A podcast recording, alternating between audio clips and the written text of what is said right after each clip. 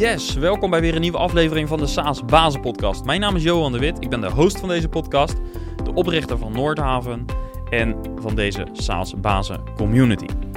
In deze podcast ga ik in gesprek met SaaS-bazen over hun business. En naast deze podcast is er ook een besloten community voor founders van SaaS-bedrijven en eh, mensen met een C-level functie binnen een SaaS-bedrijf. En daarvoor kun je je aanmelden. Ga naar community.saasbazen.nl. Ja, wel weten hoeveel websitebezoekers je hebt, maar geen idee hebben wie het zijn. Voor veel marketeers is dit de praktijk. Ze zien in Google Analytics weliswaar precies hoeveel bezoekers er op de site waren, welke pagina's er bezocht zijn en ga zo maar door. Maar sales wil weten welke bedrijven de website bezocht hebben. En dat kan met Lead Info. Lead Info is een SaaS-oplossing waarmee je precies ziet welke bedrijven jouw website hebben bezocht. Aangevuld met nuttige informatie over dat bedrijf. Ga naar leadinfo.com slash saasbazen voor meer informatie. Vandaag een gesprek met Daan Koek. Hij is de co-founder van Amy, een SaaS-product voor de kappersmarkt. En het is een mega interessant gesprek, want zelden spreek ik met een SaaS-baas met zo'n duidelijke focus op de klant. En Daan zegt niet alleen dat de klant centraal staat, hij geeft daar ook echt gestalte aan. In zo ongeveer iedere beslissing wordt er eerst naar de klant gekeken, of misschien wel beter gezegd vanuit de klant gekeken. Maar dat is niet het enige topic van dit gesprek. Daan werkte eerder aan een andere start-up binnen PostNL en hij bedacht en lanceerde daar een oplossing voor food delivery. En hij deed daar natuurlijk ook veel ervaring op als SaaS-baas. Wat leerde hij daar precies? En wat zijn de verschillen tussen een, het werken binnen een corporate, weliswaar een start-up binnen een corporate, maar het, en het bouwen van een eigen start-up zonder zo'n corporate omgeving daaromheen? We gaan daar vandaag dus uitgebreid bij stilstaan. Maar voordat we dat doen, speciaal voor SaaS-bazen die recent gestart zijn met hun business, hebben we een roadmap gemaakt naar 10k MRR. Het is een concreet stappenplan waarin je precies uitgelegd krijgt welke stap je op welk moment kunt nemen. Wil je aan de slag met die roadmap? Stuur even een mailtje naar roadmap.noordhaven.nl en ontvang hem gratis in je mailbox. Dan gaan we nu snel naar het gesprek dat ik had met Daan. Enjoy!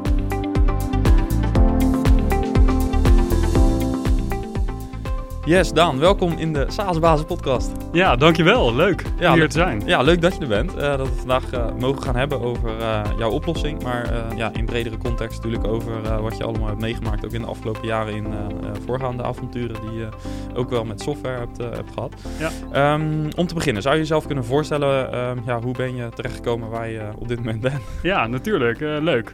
ja, ik ben dus Daan, 34 jaar. Ehm, ik heb een klein zoontje. Ik woon in Amsterdam en uh, ik heb dus uh, het bedrijf Amy opgezet. En hiervoor ben ik uh, werkzaam geweest bij PostNL. En daar heb ik een business unit in de food delivery opgezet. En sinds vorig jaar zijn we dus volledig bezig met Amy. En, en mijn achtergrond zit er heel erg veel vanuit de marketingkant. vanuit die kant ben ik ooit bij PostNL ook het business unit gaan starten. Vanuit de food business unit. En, um, en dat is echt vooral vanuit de markt, vanuit gedachten gegaan hoe we dat hebben opgericht. En dat zorgt er op een gegeven moment voor dat je ondernemer wordt eigenlijk ook binnen een groot bedrijf. En uiteindelijk, uh, vorig jaar hebben echt, heb ik echt gedacht van, ja, we moeten het ook nu voor onszelf gaan doen. En ik kwam uh, op het spoor van de kappersmarkt. En toen zijn we eigenlijk Amy gestart. En uh, ja, daar kan ik straks natuurlijk alles over gaan vertellen. Dus dat is hartstikke leuk. En ja, mijn achtergrond zit dus echt heel erg in die ondernemerschapkant. En dat vind ik ook het leukste. Daar lees ik veel over. Daar praat ik veel over, daar spark veel over, omdat ik dat gewoon heel tof vind. Ja, mooi. Nou, dat gaan we in deze podcast ook doen, dus dat komt goed uit. Mooi. Ja. Um, even terug naar je PostNL-tijd eerst. Um, je hebt daar um, een eigen business unit opgezet. Hoe heeft dat er ongeveer uitgezien? Kan je ons een beetje meenemen naar die tijd? Dus wat heb je daar uh, ongeveer gedaan? En ja. hoe lang heb je daar aan gewerkt? Ja, dus ik, ben, uh, ik heb er ongeveer vijf jaar lang aan gewerkt.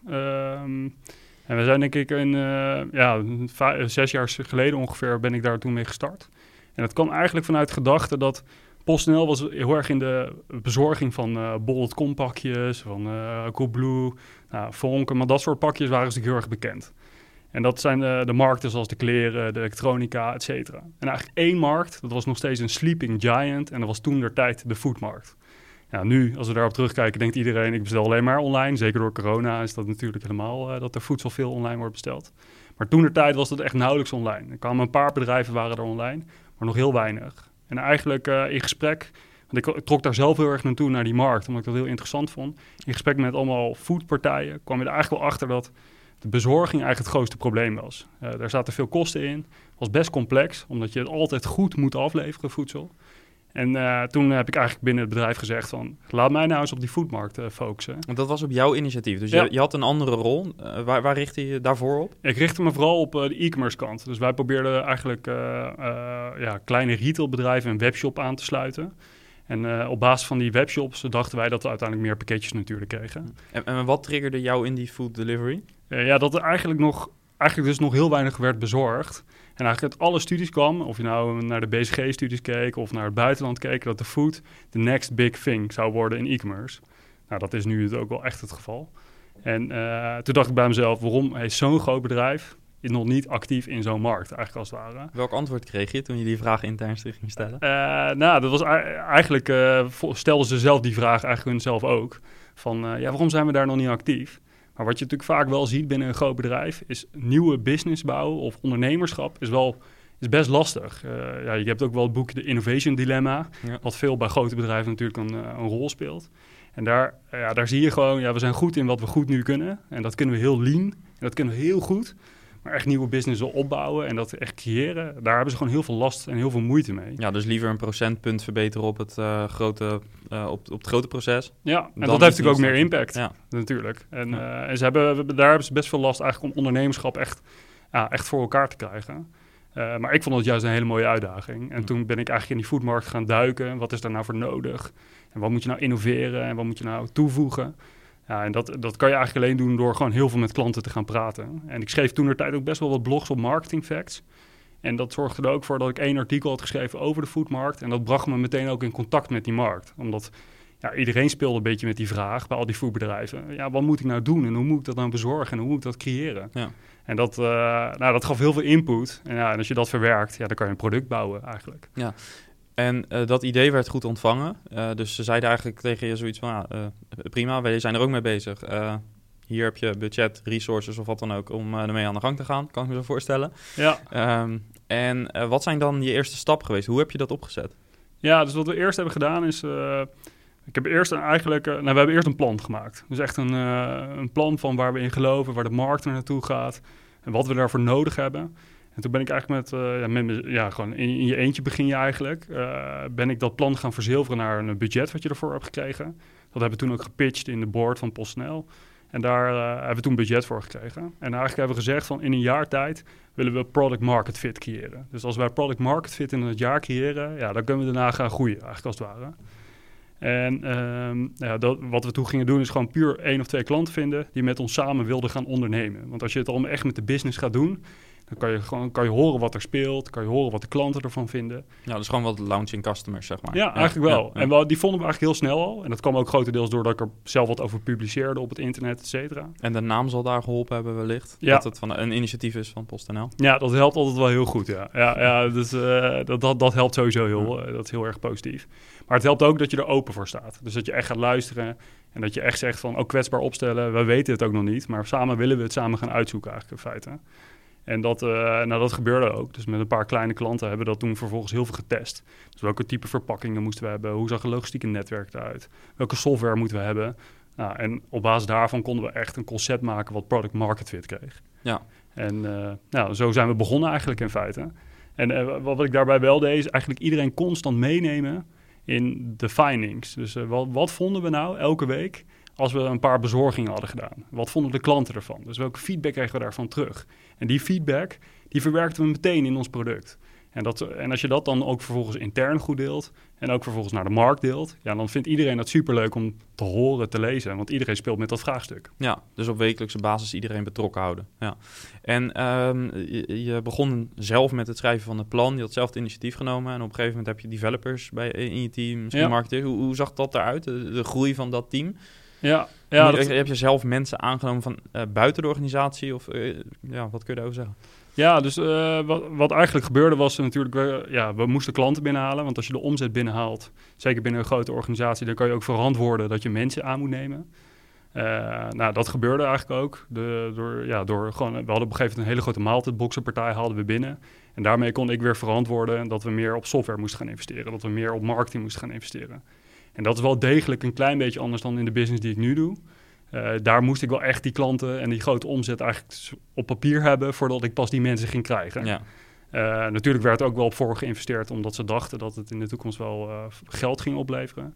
Maar het is daar wel meer, moet je echt meer proof, ja, echt intenties of echt klanten hebben die getekend hebben voordat je dat, voordat je dat krijgt. Ja, nu ben je iets autonomer, of nu ben je autonoom en nu kun je de knoop zelf doorhakken ook al staat het nog niet op papier. Precies, dat, is, het grootste, dat is het grootste verschil eigenlijk wel. Uh, maar in het beginsel, ja, dan neem je een uh, product manager op die je echt helpt om het product verder te fine-tunen. En we gingen een uh, software developer van een klant haalden we binnen. En die maakte een eigen platform. en nou ja, dat zorgde er wel voor dat je heel snel stapjes kan maken. Dan ben je eigenlijk echt als een klein teampje binnen het bedrijf ben je gewoon bezig om te ondernemen. Ja. Wat was verder nog de connectie met de rest van PostNL? Uh, als bijvoorbeeld het delen van resources, kennis, teams. Ja, dus wat we eigenlijk probeerden te doen was eigenlijk de beste resources van PostNL te gebruiken. En dan kan je denken aan auto's, uh, procesmanagers, uh, nou, dat soort facetten eigenlijk die het bedrijf natuurlijk voldoende heeft. Want het is natuurlijk een super grote organisatie. Ja. maar anderzijds moet je daar ook weer niet door laten leiden en moet je eigenlijk je eigen processen eromheen gaan maken. En die twee, die probeerden we aan elkaar te klikken. Wat altijd echt niet altijd even soepel ging hoor. Dat is ook wel het, gewoon het eerlijke verhaal.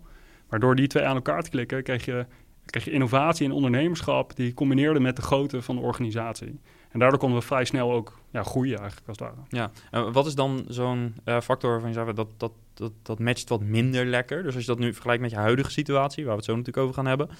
Um, los van wat je al zei, hè, dus de autonomie.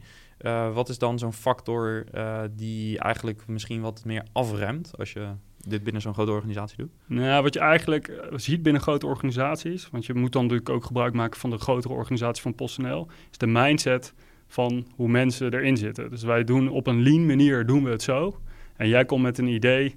Nou, bijvoorbeeld een voorbeeld was, wij moesten de koelbox aan de deur openmaken, de inhoud afgeven en die koelbox mee retour nemen. Nou, als je dat nu hedendaags over nadenkt bij boodschappen, denk je van, nou, logisch. Maar toen was echt bij chauffeurs, et cetera. Ja, ik heb nog nooit een pakketje opengemaakt. Dus hoe, waarom zou ik in godsnaam nu een pakketje openmaken eigenlijk? Ja.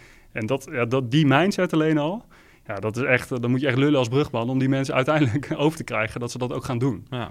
Uh, want je wilt uiteindelijk wel de kwaliteit leveren en de service leveren die dan die service vraagt. Ja. In feite. ja, dus vooral mindset uh, ja, die daar, uh, wat ja. daar verschil is. Ja.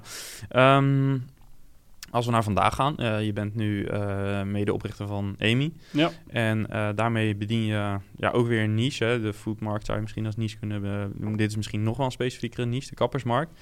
Um, hoe ben je van food naar de kappersmarkt gegaan? Ja, ja leuke vraag. Um, nou, het is eigenlijk een beetje per ongeluk gebeurd. ik werd eind 2019 werd ik gevraagd of ik een keer mee wilde kijken met een concept in Noorwegen. Dat was een grote kappersketen. En ze hadden een bepaalde IT-laag gemaakt, wat ik best wel interessant vond. En op basis van die IT-laag, toen ik daarbij geweest, ik heb bekeken en we zou, ik zou misschien een klus voor hen gaan doen. Maar uiteindelijk kwamen we daar ook niet helemaal uit. En ik vond het te, te, te veel gefocust op alleen maar die kappersketen eigenlijk, als het ware. Het was een interne tool? Uh, nee, dat was echt een buiten PostNL. Dus ik werd gevraagd door een externe partij of ik daar naar, naar wilde kijken. Ja, maar het, maar het, was een interne tool voor die kappers, ja. voor, die kappers eh, voor dat keten. Zeg ja, maar. Zij ja. gebruikten de technologie zelf uh, uh, in hun eigen organisatie. Ja, klopt. Okay, inderdaad. Ja. Ja, klopt, klopt, klopt. En het was dan ook wel een, een platform echt voor consumenten ook wel. nou, toen op basis van die ideeën en gedachten, ja, dan ga je vanzelf itereren van, oh, dat is wel een kans en een mooie opportunity. Alleen waarom is dat niet eigenlijk voor alle kappers daar? En toen hebben heel snel heb ik eigenlijk met een aantal developers heb ik een soort voorkant platform gemaakt. Maar dat leek heel erg op Treatwell. Dus dat uh, was echt meer een boekingsplatform, et cetera. Maar doordat wij in gesprek waren met die markt en dat voorkant platform heel snel gingen testen, dus snel hadden we de platform gemaakt, snel AdWords erop gezet, snel klanten er doorheen laten gaan. Uh, maar kwamen we eigenlijk achter, met, doordat we met al die kappers gingen praten, dat de achterkant helemaal niet zo goed georganiseerd was. En dan heb je het over de back-office, dus administratieve processen, boekingen, dat soort dingen. Ja, dan gaat het inderdaad echt over agenda, financieel, uh, beschikbaarheid, et cetera. Ehm, en dat gaf ons onwijs veel inzichten. En toen dachten we in één keer van... ah, eigenlijk is misschien helemaal niet de voorkant het probleem... maar misschien veel meer die achterkant is het probleem. Dus echt een SaaS-product-achtige problemen die ze daar hebben. Ja. En wij waren zeker... eh, Toen der tijd waren er natuurlijk wel een aantal SaaS-platformen al in die markt. Eh, alleen, wij zagen daar best wel wat kans om dat te verbeteren. En, het was ook, en toen gingen we ook met elkaar, elkaar natuurlijk bekijken van hoe groot is die markt nou eigenlijk. En in Nederland zijn er al 29.000 kappers. Dus dat is best wel een flinke markt al. En als je naar Europa gaat, zijn er natuurlijk nog veel meer kappers. En, eh, en daarvan is nog zelfs 40% heeft nog niet eens een SaaS-platform. Hm. Dus dat was al, nou, we dachten het kan beter wat ze huidig hebben. En het kan beter dat ze nog niks hebben. Dat ze het gewoon echt nog met een papieren boek doen, eigenlijk Ja. als het ware. Nou, dat moet digitaal worden natuurlijk. En nog even terug, want eh, je ging heel snel van eh, het, het, het platformgedachte in eh, Noorwegen, zeg maar, wat zij daar intern hadden, naar uiteindelijk het SaaS-product wat jullie nu hebben. Ja. Wat wilden zij precies oplossen daar? In wat, wat was het dat ze wilden bouwen? En wat is het verschil? Ehm, of, of ja, het verschil heb je eigenlijk uitgelegd, maar waar kwamen ze, zij vandaan? Zeg maar? Wat was het trekpunt? Nou, bij hun was het eigenlijk, eh, wat zij heel belangrijk vonden, was dat ze alle tijdsloten in de agenda zo goed mogelijk vulden. Dus eh, als, er, als er maar een gaatje was, dan moest er eigenlijk dat meteen op een website-platform zichtbaar worden. En dan kon je meteen, een klant kon meteen boeken en zag dan ook meteen hoeveel minuten het nog duurt voordat je behandeling ging beginnen, eigenlijk als het ware. Hm. Eh, nog steeds wel interessant. Alleen ja, die beschikbaarheid daarvoor moet echt goed zijn. Want als je de beschikbaarheid aan de achterkant niet goed hebt georganiseerd, ja, dan kan je dat nooit doen, eigenlijk. Ehm, dus dat was wel eh, dat, wat, wat zij deden. En als je dan je eigen keten hebt, ja, kan je dat veel beter registreren, coördineren om dat voor elkaar te krijgen. Ja, dus eigenlijk in Noorwegen was het idee binnen het keten een tool hebben waarmee we die beschikbaarheid kunnen optimaliseren. En in ieder geval inzichtelijk kunnen maken en ook die tijdsloten sneller en efficiënter kunnen boeken. Ja. Uiteindelijk ging je met het idee naar Nederland om te zeggen van nou, datzelfde wil ik doen, alleen dan over de hele markt. Dus niet binnen één keten, maar over de hele markt. En in die gesprekken kwam je erachter dat eh, er eigenlijk nog een probleem voor zat. Dat is namelijk de kapper is sowieso in het algemeen misschien nog te weinig georganiseerd als het gaat om die financiële boekings, agendaprocessen en dergelijke. Klopt. Oké. Ja, En, inderdaad. eh, dus je hebt eigenlijk twee pivots gemaakt voordat je startte. Of, Ja. of in, in het onderzoeksproces, zeg maar. Ja, ja, ja, en dus ook, eh, ja, dus inderdaad, dat klopt. En eh, eigenlijk op basis daarvan konden we echt naar de markt gaan waar we nu in zitten. Eh, en konden we ook onze investeerders gaan binnenhalen, et cetera. Dus Ja. wij moesten wel echt die pivots maken en zelf erop investeren voordat we, pas die, voordat we pas echt konden gaan eigenlijk in onze ogen dan. En heb je dit proces een beetje hetzelfde aangepakt door ook wat launching customers te hebben hier in Nederland voor dit product? Of? Ja, ja dus eh, nou, ik, heb ik heb Amy opgericht samen met mijn co-founder, dus Dirk Jan. En, en wat wij eigenlijk samen deden, was gewoon in de salon gaan zitten. Dus wij zaten echt dagenlang in de salon. En wat wij ook deden, was gewoon puur de telefoon opnemen. Dus er werd elke dag natuurlijk gebeld door allemaal klanten. Ik wil weer een boeking maken. En dan gingen wij die hele agenda gingen we gewoon ontleden. Wat hebben we nou nodig? Wat, wat voor type boekingen worden er nou gemaakt? En, eh, en, hoe reageren de, ja, de kappers in de salon er nou eigenlijk op? En wat kost nou veel tijd en wat kost nou weinig tijd? En waar moeten we ons nou op focussen? En dat was... Ja, dat gaf ons op het begin al meteen heel veel input dat we wisten wat we moesten bouwen. Maar ook wat we hadden gebouwd, gingen we heel snel gewoon daar lanceren. En dan konden we ook meteen testen, werkt het eigenlijk überhaupt? En vinden klanten dat fijn? Maar dus werkende software, dus echt een MVP. Eh, geen Ja. prototype meer, maar echt daadwerkelijk werkende software. Ja, klopt. Ja. dus we begonnen eerst gewoon met de agenda. En, eh, en de online boekingen, weet je het. Nou, ondertussen hebben we de agenda alweer vervangen en weer, eh, weer, ja, weer beter gemaakt. En hetzelfde met de online boekingen, weet je het. Dat hebben we al een paar keer gedaan nu. Ja.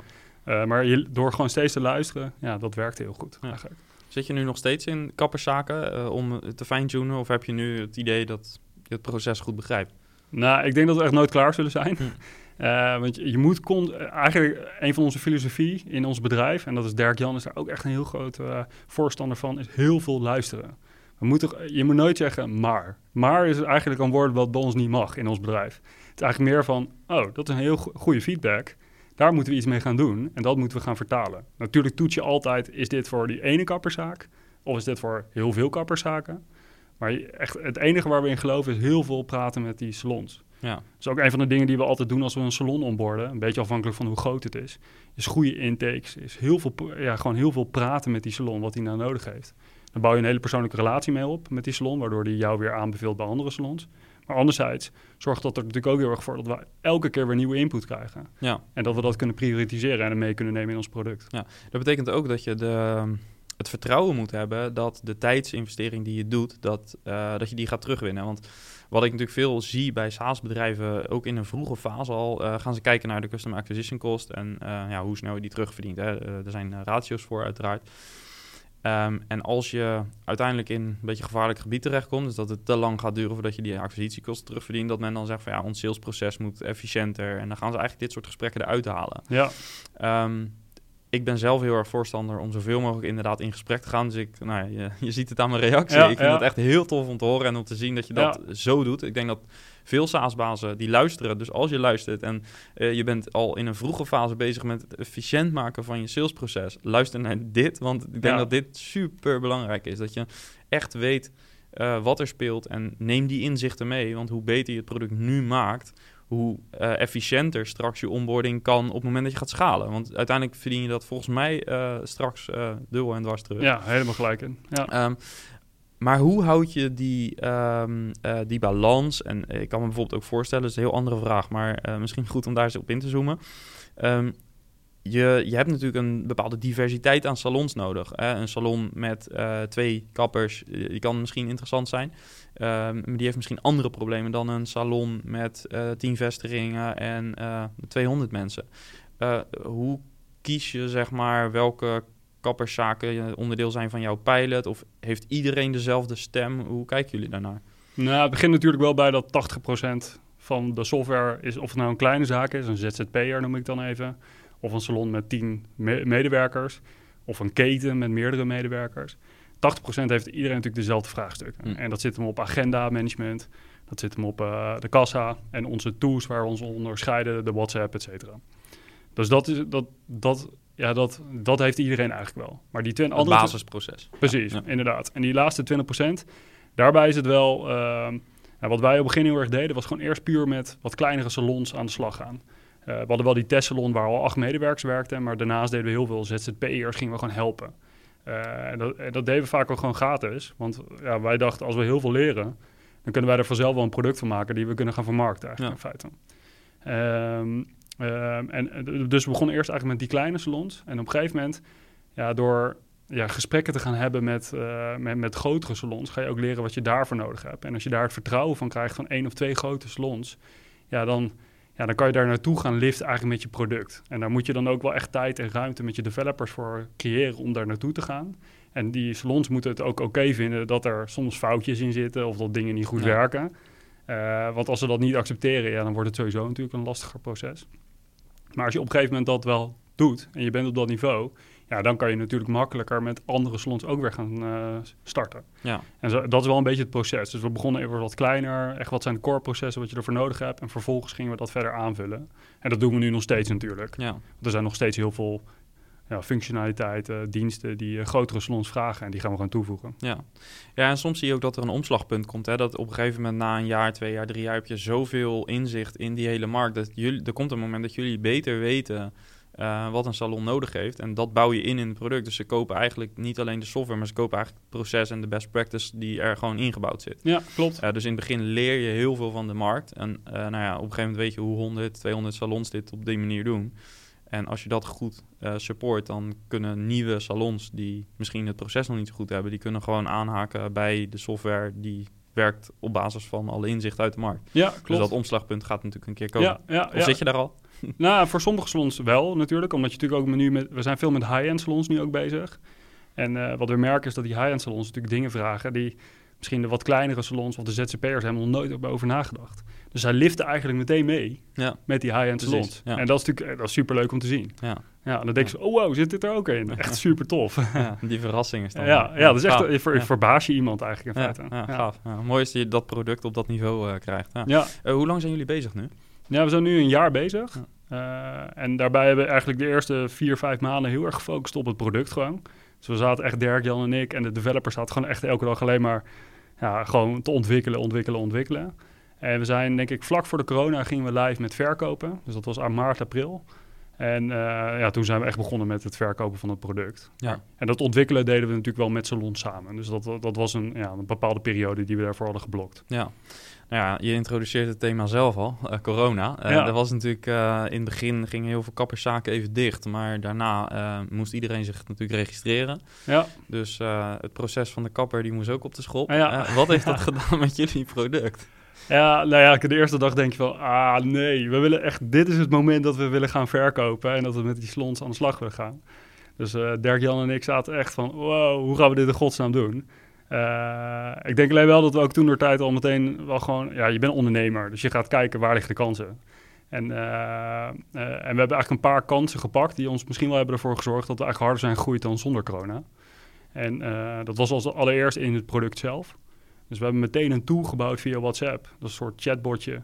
Dat je meteen de triagevragen van corona kan beantwoorden.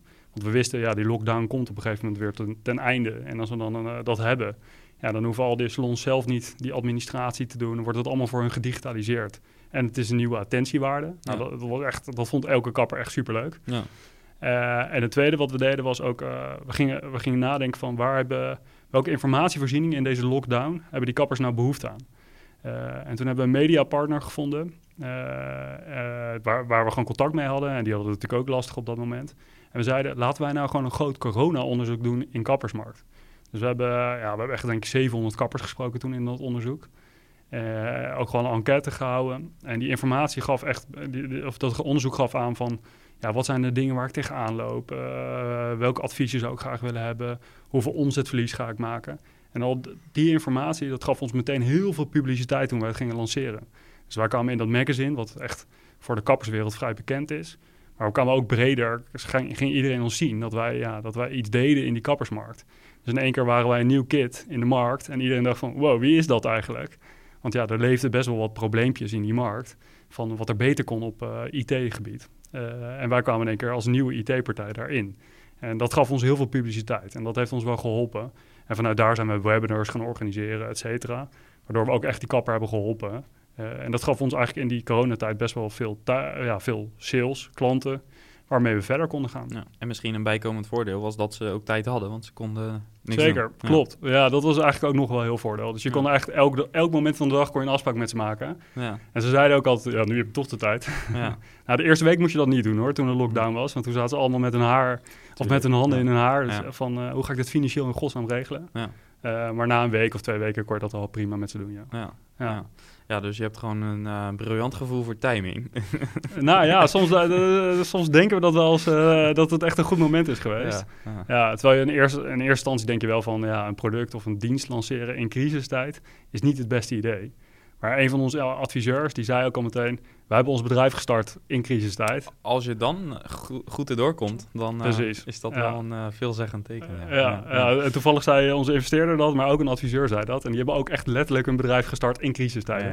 Ja. Dus dat was heel tof. En overigens, jullie starten natuurlijk eigenlijk voor de crisistijd. Alleen eh, je- toen jullie echt met het product op de markt gingen, toen gebeurde dit eigenlijk. klopt, Ja. klopt, klopt. Eh, in de voorbespreking hadden we het hier natuurlijk kort eventjes over. Ehm, maar je zei ook, ehm, eerder heb ik ook wel eh, echt eh, een, een keer zo'n doorbraak gehad. Hè? Dit kan dan de doorbraak voor Amy geweest zijn. Eh, wat was dat bij, het, bij de, de, venture binnen PostNL? Ja, dat was eigenlijk. de doorbraak was voor ons toen wij. nou, dat heette toen Matthijs Maaltijdbox. Dat bestaat nu niet meer, nu heet het weer anders. Maar dat was toen de twee na grootste speler in de maaltijdboxenmarkt. En wat we daar eigenlijk gewoon deden was op bluff. En wisten we die klant gewoon binnen te halen. Hm. We hadden nog geen logistiek netwerk. We hadden nog niet alle IT-zaken. We, hadden- we hadden het gewoon nog niet eens. Eh, eh, maar als je dan toch een goed verhaal vertelt en een visie en een gedachte waar je naartoe wil gaan. En dat klinkt ook logisch voor die klant. eh, ja, dan tekenen ze op een gegeven moment. Ja, en dan heb je je doorbraak. Want dan heb je je referral case. Dan heb je eindelijk een stroom die door je netwerk gaat. Waardoor je ook wat kosten al kan optimaliseren. Eh, en waardoor je gewoon eigenlijk aan, eh, ja, actief bent eigenlijk in feite. Ja. Eh, ja, ik weet ook nog wel, toen we dat tekenen, stond ik echt in mijn keuken en ik dacht, wow, yes, eindelijk. Je, je geloofde het gewoon niet helemaal zelf. Nee, ja, nou, dat wel, maar eh, het was wel, ja, je bent een jaar bezig en Ja. dan tekent zo'n klant. Ja. En dan ben je gewoon heel blij, want dan, ga, dan heb je je versneller eigenlijk te pakken. En die versneller moet je, ja, die moet je gaan krijgen. Ja. En die weer verzilveren natuurlijk. Precies, inderdaad. En dat, dat is elke keer gewoon steeds het belangrijkste. Ja. Ehm, nu, heb je, eh, nu is corona wellicht dan, eh, dat is een externe omstandigheid die je in principe niet onder controle hebt, maar je kan wel je reactie bepalen. Dat hebben jullie denk ik goed gedaan. Ja. Ehm, dit heb je dan op bluff gedaan. Ehm, in deze podcast probeer ik ook wat actionable inzichten eruit te halen voor de luisteraar. als je nu een, een, ook een startende SaaS-baas zou moeten adviseren, die, die, die, die, maar niet aan de doorbraak komt. Ja elke situatie is natuurlijk anders. Maar ehm, als jij nu binnen EMI, uh, als corona er niet was geweest, um, wat had je dan gedaan? Of wat zou je dan zo'n SaaS adviseren om in zo'n situatie te doen? Waar kijk je naar? Um, kun je daar iets over zeggen? Ja, nou, denk allereerst weer gewoon luisteren naar je klanten. Dus echt uh, niet denken dat jij het weet, want als jij het weet, dan weet je het eigenlijk niet. Dus echt gewoon puur luisteren naar wat die klant wil eigenlijk. dat is denk ik nog steeds, ook hierbij weer het belangrijkste. Uh, het tweede is wel, je, je moet wel een bepaalde focus of afbakening voor jezelf gaan bepalen waar je nou op wil gaan scoren. Uh, en als je dat hebt, probeer dingen snel go-to-market brengen. Want als je het snel go-to-market brengt, weet je pas echt of het gaat werken. Uh, en dat dan fine-tunen. en maar heb je het dan echt over een product? Of is bijvoorbeeld in jouw ogen een prototype bijvoorbeeld ook genoeg? ja, een prototype kan voldoende zijn. Ehm, het is wel een beetje afhankelijk natuurlijk van welke type markt en wat die behoefte is. En ook wie je concurrentielandschap is. Want als je een concurrentielandschap hebt waar alles al helemaal uitgekristalliseerd is en je komt met een kleine prototype, dan is het moeilijker scoren eigenlijk in feite. Ja. Ehm, ja, dat, dat maakt wel van belang in ieder geval. En als je een bepaalde functionaliteit of een prototype hebt, ja, dan, wil je, dan wil je dat snel go-to-market brengen en kijken of dat aanslaat, of dat mensen daar goed op reageren of niet. Ja. Um, en vaak als je, doordat je dat goed afbakent en goed luistert, krijg je heel snel dat klanten dat graag willen hebben. En, ja, je moet daar natuurlijk een sausje omheen maken voor je marketing, om te zorgen dat mensen echt denken van wow, dit wil ik ook, dit wil ik ook, dit wil ik ook. Ja, ja en dan, dan kan je gaan, eigenlijk in feite. Wat me opvalt en wat ik ook echt ontzettend gaaf vind, is um, je had deze vraag ook kunnen beantwoorden met een hele coole growth hack of een super vet kanaal of iets dergelijks. Maar ik denk dat, er nog, dat ik nog nooit een podcast uh, heb opgenomen waar het woord klanten zo vaak is gevallen. Ja. Dit zit echt in jullie natuur, hè? Ja, klopt. Dirk, Jan en ik zijn echt... Uh, het is gewoon klanten, klanten, klanten. Ja, het is Steeds weer terug. Ja, ja, nu, super mooi. We hebben nu bijvoorbeeld ook iemand, uh, een kapper die bij ons gestart is, dan vier keer kapper van het jaar geweest. Die gaat in januari starten. Nou, gewoon, we zitten gewoon elke twee maanden zitten we gewoon met die kapper. Om gewoon te horen, hoe kijk je nou tegen de markt en wat vind je belangrijk en wat moet erin zitten. En dan echt meteen opzuigen en verwerken eigenlijk. En dat is de manier, geloven we in. Want ja, dan kan je het harder blijven groeien. En dan hebben wij natuurlijk ook, uh, dat zijn onze ambassadeurs voor de rest van de markt. En dat is natuurlijk heel positief. Ja. Zei je nu net ook dat um, een developer ook meegaat naar zo'n kapper? Uh, ja, die gaat soms wel eens mee naar zo'n kapper. Uh, we proberen dat ook wel weer te beperken. Uh, maar dat helpt wel. Als hij in gesprek is, want dan hoort hij echt, waar doe ik het nou voor? Of dan, dan zitten wij niet als een schakel er altijd tussen. Dus onze, onze CTO, Mogelijk de ruis te uithalen. Precies, inderdaad. onze CTO die sluit daar gewoon echt bij aan ook. Uh, en een kant waar we ook veel mee spreken zijn de producenten. Dus dat zijn bijvoorbeeld de, die de shampoos maken of de wax of wat dan ook. Uh, ja, daar komt natuurlijk ook heel veel informatie uit. En dat doen we dan vaak ook soms wel eens met een CTO. Want dat levert gewoon heel veel input over van welke data en welke informatie heb je nou nodig... om uiteindelijk ook die producent goed te helpen. Ja, en wat doen jullie voor zo'n producent dan bijvoorbeeld? Of, nou, of waar raakt het uh, de propositie? Ja, dus als je echt kijkt naar een salon heeft een probleem dat hij zijn efficiëntie wil hebben, dat hij minder afleiding wil hebben in zijn salon, et cetera. Uh, en dat hij bijvoorbeeld ook heel veel WhatsApp. En dan maken wij dat helemaal gedigitaliseerd. Nou, dan zorgt dat ervoor dat hij, dat hij echt gewoon meer tijd heeft voor zijn klanten. En de producent heeft heel veel behoefte aan data. Want die wil begrijpen welke producten worden nou verkocht eigenlijk in zo'n salon. Uh, en als ik daar meer grip op kan krijgen, dan kan ik misschien wel zorgen dat er nog meer verkocht wordt in die salon, waar die salon-eigenaar veel profijt van heeft, maar waardoor dat die producent er ook veel profijt aan heeft. Ja. Ja, dus, eh, dus, wij kunnen echt vooral op die datakant en het advies van die producten, daar kunnen we echt goed bij helpen. Uh, en dat raakt beide doelen, dus de salon en de producent. Ja, win-win. Ja. ja, klopt. Ja. Um, ik vind het leuk om nog even over jou persoonlijk te hebben. Um, je hebt dus uh, de ervaring gehad als uh, SaaS-baas binnen een grote organisatie. Nu ben je het met een eigen start-up, kleinere organisatie. Um, je luistert heel veel naar klanten, je bezoekt klanten. Uh, maar hoe ziet jouw rol er verder uit? Wat, uh, waar focus jij je voornamelijk op en hoe is je samenwerking met je co-founder? Ja, uh, dus mijn co-founder houdt zich vooral bezig met echt eh, succesvol onboorden van de klanten. Dus die, zitten, die praat gewoon heel veel als we de klant binnen hebben gehaald. Om echt voor te zorgen dat hij luistert. Wat, wat heb je? Hoe gaan we je installeren? Hoe gaan we zorgen dat je succesvol start eigenlijk in feite? Dus hij houdt zich vooral heel veel met dat element houdt hij zich bezig. Eh, en doet ook een stukje marketing ermee. Maar dat doen we wel samen eigenlijk, de marketingkant. En ik hou me veel bezig met de product- en de saleskant. Dus eh, echt gewoon zorgen dat, dat we salons vinden, dat we goede relaties in de markt creëren, et cetera. Eh, en het productkant, dat we samen met de CTO zorgen dat het product echt de wensen heeft, wat het nodig heeft om uiteindelijk de markt goed te kunnen bedienen. Ja. Dus dat is een beetje de rolverdeling. En dan hebben we onze CTO die echt de techniek pakt. Dus die is echt verantwoordelijk voor de architectuur, de, ja, de schaalbaarheid, uh, nou, alles wat er eigenlijk bij komt kijken om te zorgen dat het met developers goed gaat. Ja, en uh, heeft een van, heb, heb, jij zelf een technische achtergrond of je co-founder of heb je de CTO er echt bij gehaald voor het hele technische gedeelte? Uh, ja, dus we hebben de CTO er wel echt bij gehaald omdat dat een belangrijk element is in ons team. Dus wij wisten ook al toen we gingen starten, ja, we hebben echt iemand nodig die op het product is. We hebben iemand nodig die aan de commerciële kant actief is en operationeel daar goed veel over weet. En we hebben een technische man nodig. Want dan heb je gewoon een compleet team. Ja. Nou, dat, elk, elk investeerder kijkt ook die gewoon... wil dat ook, ja. Ja, die wil dit teampje hebben eigenlijk. Uh, Ja. Nou, en dat hebben we op een gegeven moment wel bijgehaald. Want dat was wel echt heel belangrijk. Ja. Uh, neem niet weg, bij PostNL heb ik ook mijn eigen development team gehad. Dus ik, ja, je bent al een keer door allemaal fouten heen gelopen... of allemaal issues heen gelopen... waardoor je wel weet hoe je een IT-team moet bouwen, laat ik het zo zeggen. Ja. Ja. Uh, als we het daarover hebben, wat is de, de, de grootste les die je daarin hebt uh, opgedaan, in, uh, ook in je PostNL-tijd? Dus wat is het eerste wat je misschien ook hebt geïmplementeerd in het technische aspect van de nieuwe organisatie? Ja, kijk, wat wij vooral bij de techniek aan delen bij PostNL was denk ik... Op het begin was het, uh, ja, was het gewoon echt één op, twee, één op één afstemmen met de developer. En dat gingen we gewoon meteen bouwen. Terwijl je, uh, en dat is ook goed, want dan breng je het heel snel go-to-market. Maar anderzijds moet je er soms wel even wat langer over nadenken en alles veel beter gaan specificeren. Want wat dat, wat dat ervoor zorgt dat je uiteindelijk sneller bent. Hm. Dus als je, ja, als je veel duidelijker zegt van dit zijn mijn user stories, dit zijn mijn, uh, en dat goed documenteert, uh, dan zorgt dat ervoor dat de developer efficiënter actief is en beter werkt eigenlijk. En je hoeft ook minder te corrigeren waarschijnlijk. Precies. Ja. Dus daar hebben we wel echt heel veel geleerd vanuit de IT-kant. Uh, en vanuit de commerciële kant leer je natuurlijk ook heel veel facetten daaruit. Uh, ja, je moet niet overpromissen. Dus wij waren soms wat, of nou, ik vooral, was soms wat te positief. Ja. dat ben ik soms nu nog wel eens hoor, ook. Waardoor daar haal je wel klanten mee binnen. Maar je moet, als je heel erg overpromised en je kan het vervolgens niet waarmaken... Ja, dan snij je jezelf alleen maar in de vingers. Ja, kan best wel turn veroorzaken. Ja. Precies, en daar, daar moet je echt heel scherp op zijn. Dus dat je daar ja, wat geduldiger in bent wat je belooft en wat je waarmaakt. Ja. Uh, je, begon in, je had het in het begin over bepaalde dingen die jullie belangrijk vinden. Nou, klanten is daar overduidelijk één van. Um, uh, hebben jullie verder nog bepaalde guiding principles of uh, afspraken, soort richtlijnen die jullie ja, hebben opgeschreven met elkaar en gezegd van daar houden we ons aan, dit, zijn onze, dit is onze waarheid? Ja, nou, we zitten ook nog wel echt al in een leerfase in, om dat echt goed neer te zetten. Maar één ding wat we wel gewoon echt heel erg belangrijk vinden, is natuurlijk die klant altijd, dat we daar naar luisteren.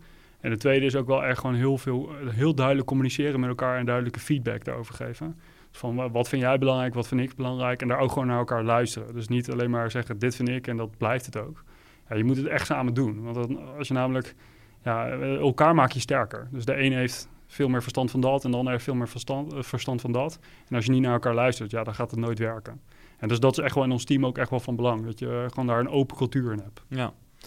Is dat ook een, uh, een verschil met hoe je dat voorheen dan had? Of heb je dit eigenlijk altijd wel in je team zo uh, gehad? Ja, ik denk dat we het bij PostNL eigenlijk ook wel hadden hoor. Ja. Uh, uh, want we zijn die business natuurlijk ook vanuit de klantkant opgezet, dus dan neem je dat automatisch wel mee. Ja. Um, en ook wel dat je elkaar feedback kan geven.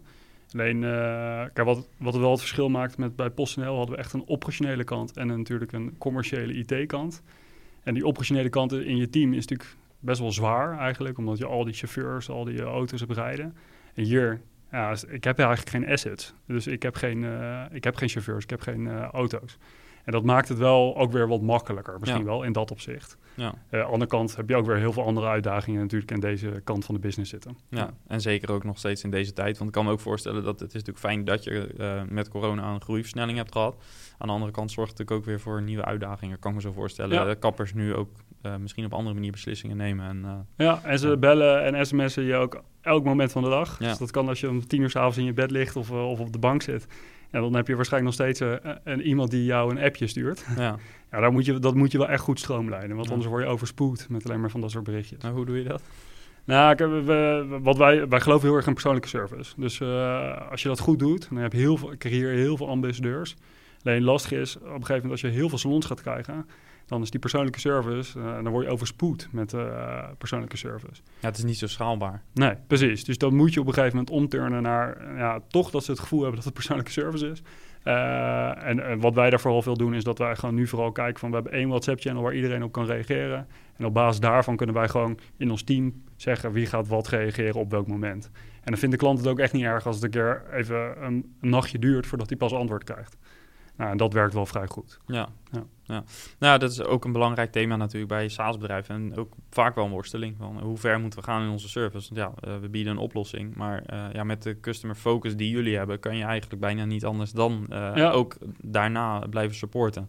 Ja. dat is ook natuurlijk een verwachting die je, denk ik, schept. Ja, maar dit is, dit is bij ons echt ook een uitdaging nog steeds hoor. Om het nog slimmer en beter te doen. Dus uh, tips zijn altijd welkom hoe we dit beter kunnen doen. Ja, ja. ja. nou misschien een goede, goede vraag voor in de community. Ja, heel leuk. Ja, goed leuk. om te horen. Ja, tof. Alright. Um, als je twee uurtjes minder op een dag zou hebben, wat zou je dan nu skippen? Wat, wat zou je het eerst laten vallen? Oh ja, leuke vraag. wat zou ik dan als eerste laten vallen? Het is best lastig, want wij zijn natuurlijk echt in een soort sneltrein. Uh, alles moet gebeuren. Ja.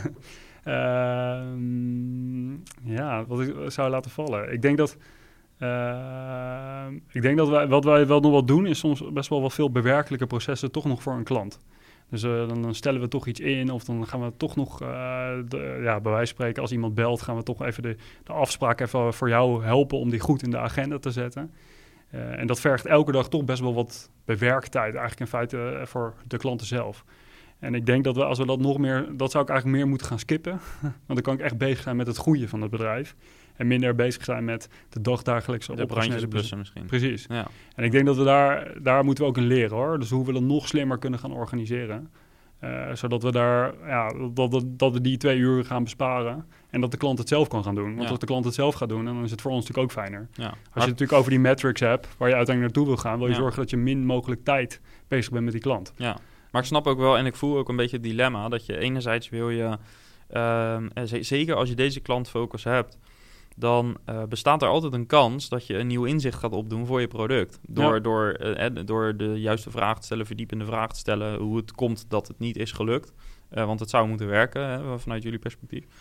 Um, dus dat aan de ene kant, dat je graag de kans, dat je een kans ziet om te leren. En dat je aan de andere kant denkt van ja, maar dit is gewoon het proces en dit heb je al vier weken zo gedaan. Dus nu zou het gewoon hetzelfde moeten werken. En uh, gebruiker, je snapt het niet. Ja. Zeg maar. Wat toch best wel vaak ook bij SaaS-bedrijven. Ja, ja. Wat ik, als ik bij SaaS-bedrijven ben, hoor ik dat op een supportafdeling vaak toch wel, uh, meestal niet rechtstreeks naar de klant, maar hoor ik dat vaak wel ja, klanten snappen het gewoon niet. Uh, ja, oké, okay, maar wat is dan de reden dat ze het niet snappen? En, uh, dus die vraag die wil je denk ik vanuit de natuur die jullie in de organisatie hebben, wil je die uh, eigenlijk heel graag op een positieve manier stellen. Van, ja. Wat gaat er dan in het proces mis? Ja. Um, ja, dus dat is best wel een lastige balans, kan ik me zo voorstellen. Ja, klopt. Ja, ja en dat is eigenlijk precies wat je zegt. Want elke supportvraag heeft misschien heeft meer, veel meer met onszelf te maken. Dus blijkbaar doen wij iets niet, waardoor die persoon het zelf kan doen. Ja. Ja, dan, dus er moet iets verbeterd worden eigenlijk in feite. Ja, en daarom steeds achter zien te komen, dat kan veel tijd kosten. Maar als je het hebt, dan kan het je, je product weer verder helpen, waardoor je in de toekomst overbodig maakt. Ja, ja. maar echt alles ga je nooit uh, nee. killen. Dat geloof ik gewoon niet in. Uh, maar dan moet je het wel goed, slim, uh, efficiënt neerzetten eigenlijk. Ja, ja. gaaf. Um, we hebben het al een paar keer gehad over uh, doorbraken, inzichten, maar ook wat, wat struggles, wat, wat uh, obstakels die je bent tegengekomen. Um, zijn er bepaalde bronnen die je zou willen delen met de luisteraar die jou verder hebben geholpen? Ja, uh, nou ja, sowieso boeken lezen of uh, gewoon dus met klanten praten. Dat zorgt ervoor dat je veel leert. Uh, wat ik ook wel in het verleden veel deed, is gewoon inspirerende mensen in de markt gewoon een LinkedIn berichtje gaan sturen. Dus ik heb zo heb ik al eens een keer met Pieter Zwart gezeten. Of een keer met, nou ja, met een van onze investeerders, Hugo de Koning. Dat zijn gewoon inspirerende mensen, omdat zij iets echt iets groots hebben neergezet. En uh, mijn ervaring leert altijd, ja, het is... Uh, één, zij vinden het leuk om met jou te zitten. En anderzijds, ik vind het leuk om met hun te zitten. Benader ze gewoon en ga gewoon eens een kop koffie met ze drinken. Ze zeggen bijna haast nooit nee. En als ze nee zeggen, ja, wat heb je verloren? Eigenlijk in feite. Ja. Echt nul. Gewoon doen dus. Ja, eigenlijk gewoon doen inderdaad. En uh, ja, dat maakt het heel leuk. Dus dat, is, dat zou ik echt altijd doen. In ieder geval als een goede tool die je kan gebruiken. Uh, daarnaast is gewoon een boek lezen bijvoorbeeld. Dus uh, bijvoorbeeld een van onze investeerders zei... lees Shoe Dog van Phil Knight. Nou, en dat heeft weer veel geleerd over van hoe ga je nou producten verkopen en hoe kan je ook op uh, commissiebasis bijvoorbeeld je product verkopen. Uh, zonder dat je dus out of pocket elke maand heel veel geld hebt, maar dat je alleen maar eigenlijk op de saleskant eigenlijk geld gaat verdienen. Ja. Nou, dat vond ik super inspirerend aan dat boek bijvoorbeeld. Ja, en dat zijn eigenlijk een beetje de dingen die ik veel gebruik. Uh, en, en, heel af en toe schrijf ik nog een blog op marketing facts. Dat doe ik nu minder dan voorheen, maar uh, dat zorgt er ook voor, als je dat blog gaat schrijven, dan ga je je verdiepen in dingen. Dus dan ga je onderzoek doen, dan ga je kijken hoe dat werkt.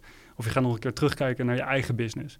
En die reflectie is echt super fijn. Want als je dat dan op papier zet, ja, dan denk je van, ah ja, dat is wel handig. Ja. Daar heb ik weer wat van geleerd, eigenlijk in feite. En dat helpt je ook weer om verder te komen. Ja, dus het delen geeft jezelf ook weer inzicht. Ja, ja, ja, ja. heel leuk. Um, is er nog iets wat je graag zou willen delen, tot slot met uh, de luisteraar, uh, waar ik misschien niet naar gevraagd heb? Uh, bepaalde ervaringen, inzichten of misschien anekdotes? Ja, ehm, ja wat denk ik wat denk ik ook heel belangrijk is, je, of dat hebben wij wel eens, dat we echt denken van, ja, het gaat eigenlijk allemaal niet goed.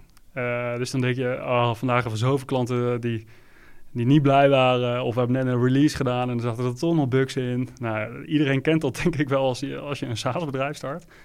Maar echt het allerbelangrijkste is volgens mij, je moet positief blijven. Want als je, uh, als je dan in, ja, er echt in van gaat balen en je gaat er lang bij stilzitten, heeft geen zin. Want dit is een fase waar je doorheen moet. En dan ga vervolgens, als je heel positief blijft, dan kom je er overheen. Ja. Uh, en daarbij is het altijd, je moet nooit, uh, ja, je moet soms ook gewoon sorry durven te zeggen.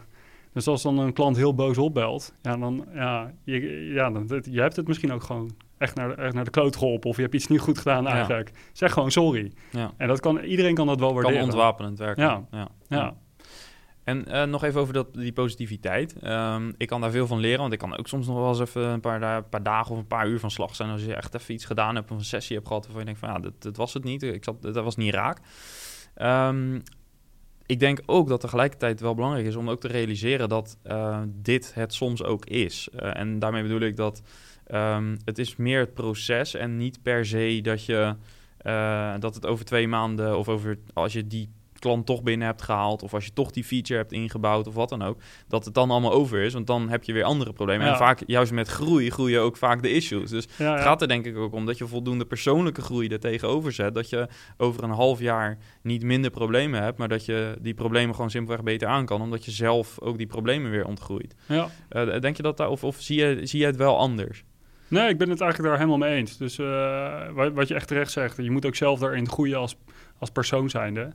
Uh, kijk, als je een SaaS-bedrijf begint, dan heb je, ja, je bent sommige dingen heb je nog nooit meegemaakt. Dus dan is eigenlijk het kleinste kan al heel vervelend zijn. Tot als het steeds groter wordt, dan, ja, dan kan het ook vervelend zijn. Maar dan waardeer je dat hetzelfde eigenlijk in feite. Ja.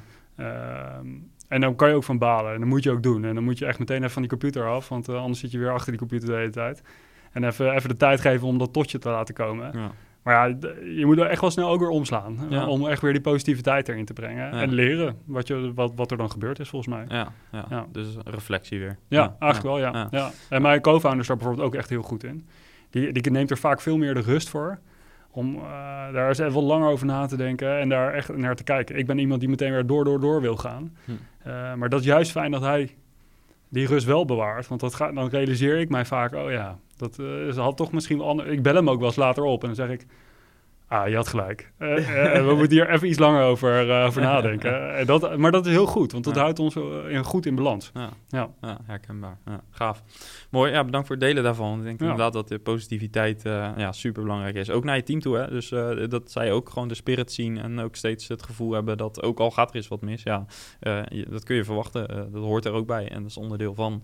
maar als je er inderdaad steeds van leert en dat je die fout ook mag maken, helpt dat denk ik enorm. Klopt. gaaf. Ja. Mooi. Ik wil je ontzettend bedanken voor uh, wat je hebt meegegeven. Inkijkje ja, in uh, ja, toch wel bijzondere reis van uh, nou, zo'n corporate naar een, naar een eigen start-up. waarbij je nou ja, misschien de wind een beetje in de rug hebt gehad door corona in dit geval. Maar ook zeker je reactie daar super bepalend is geweest. En wat ik al zei, ik denk dat dit de aflevering is geweest van uh, inmiddels meer dan 50, waar het woord klanten denk ik uh, het meest gevallen is. En dat is veelzeggend. Ik denk dat dat uh, ook wel, misschien is dat wel de belangrijkste drijf achter het succes. En ik denk veel belangrijker dan externe omstandigheid als corona. Ja. Dus ja, gaaf om te horen. Bedankt daarvoor. Ja, jij ook bedankt. Yes, thanks. Yes, en tot zover dus mijn gesprek met Daan. Ervaar jij het doen van salarisadministratie in jouw organisatie als gedoe en vind je het net als veel andere SaaS-bazen tijdrovend om je boekhouder te moeten mailen over uh, nieuwe medewerkers of als er contractverlengingen zijn of salariswijzigingen? Ontdek dan hoe je dat alles op een andere manier doet, namelijk met een moderne SaaS-oplossing van Employees. Daarmee heb je altijd zelf de touwtjes in handen. En zo aan het eind van het jaar is dit het perfecte moment om over te stappen. Ga naar saasbazen.employees.nl om je account aan te maken. Als luisteraar van de Saasbazen podcast krijg je bovendien drie maanden helemaal gratis. Ben je zelf ook SaaSbaas en wil je in contact komen met andere SaaSbazen om te sparren over jouw uitdagingen en jouw doorbraken?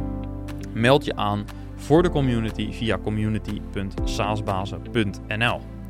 Of ben je net gestart met, met je business en wil je onze roadmap naar 10k MRR ontvangen? Stuur een mailtje naar roadmap.noordhaven.nl. Was deze aflevering interessant voor je? Heb je nieuwe inzichten opgedaan? Laat dan een review achter of deel hem met een SaaS-baas uit jouw netwerk. Voor nu weer bedankt voor het luisteren en tot volgende week. Bye bye!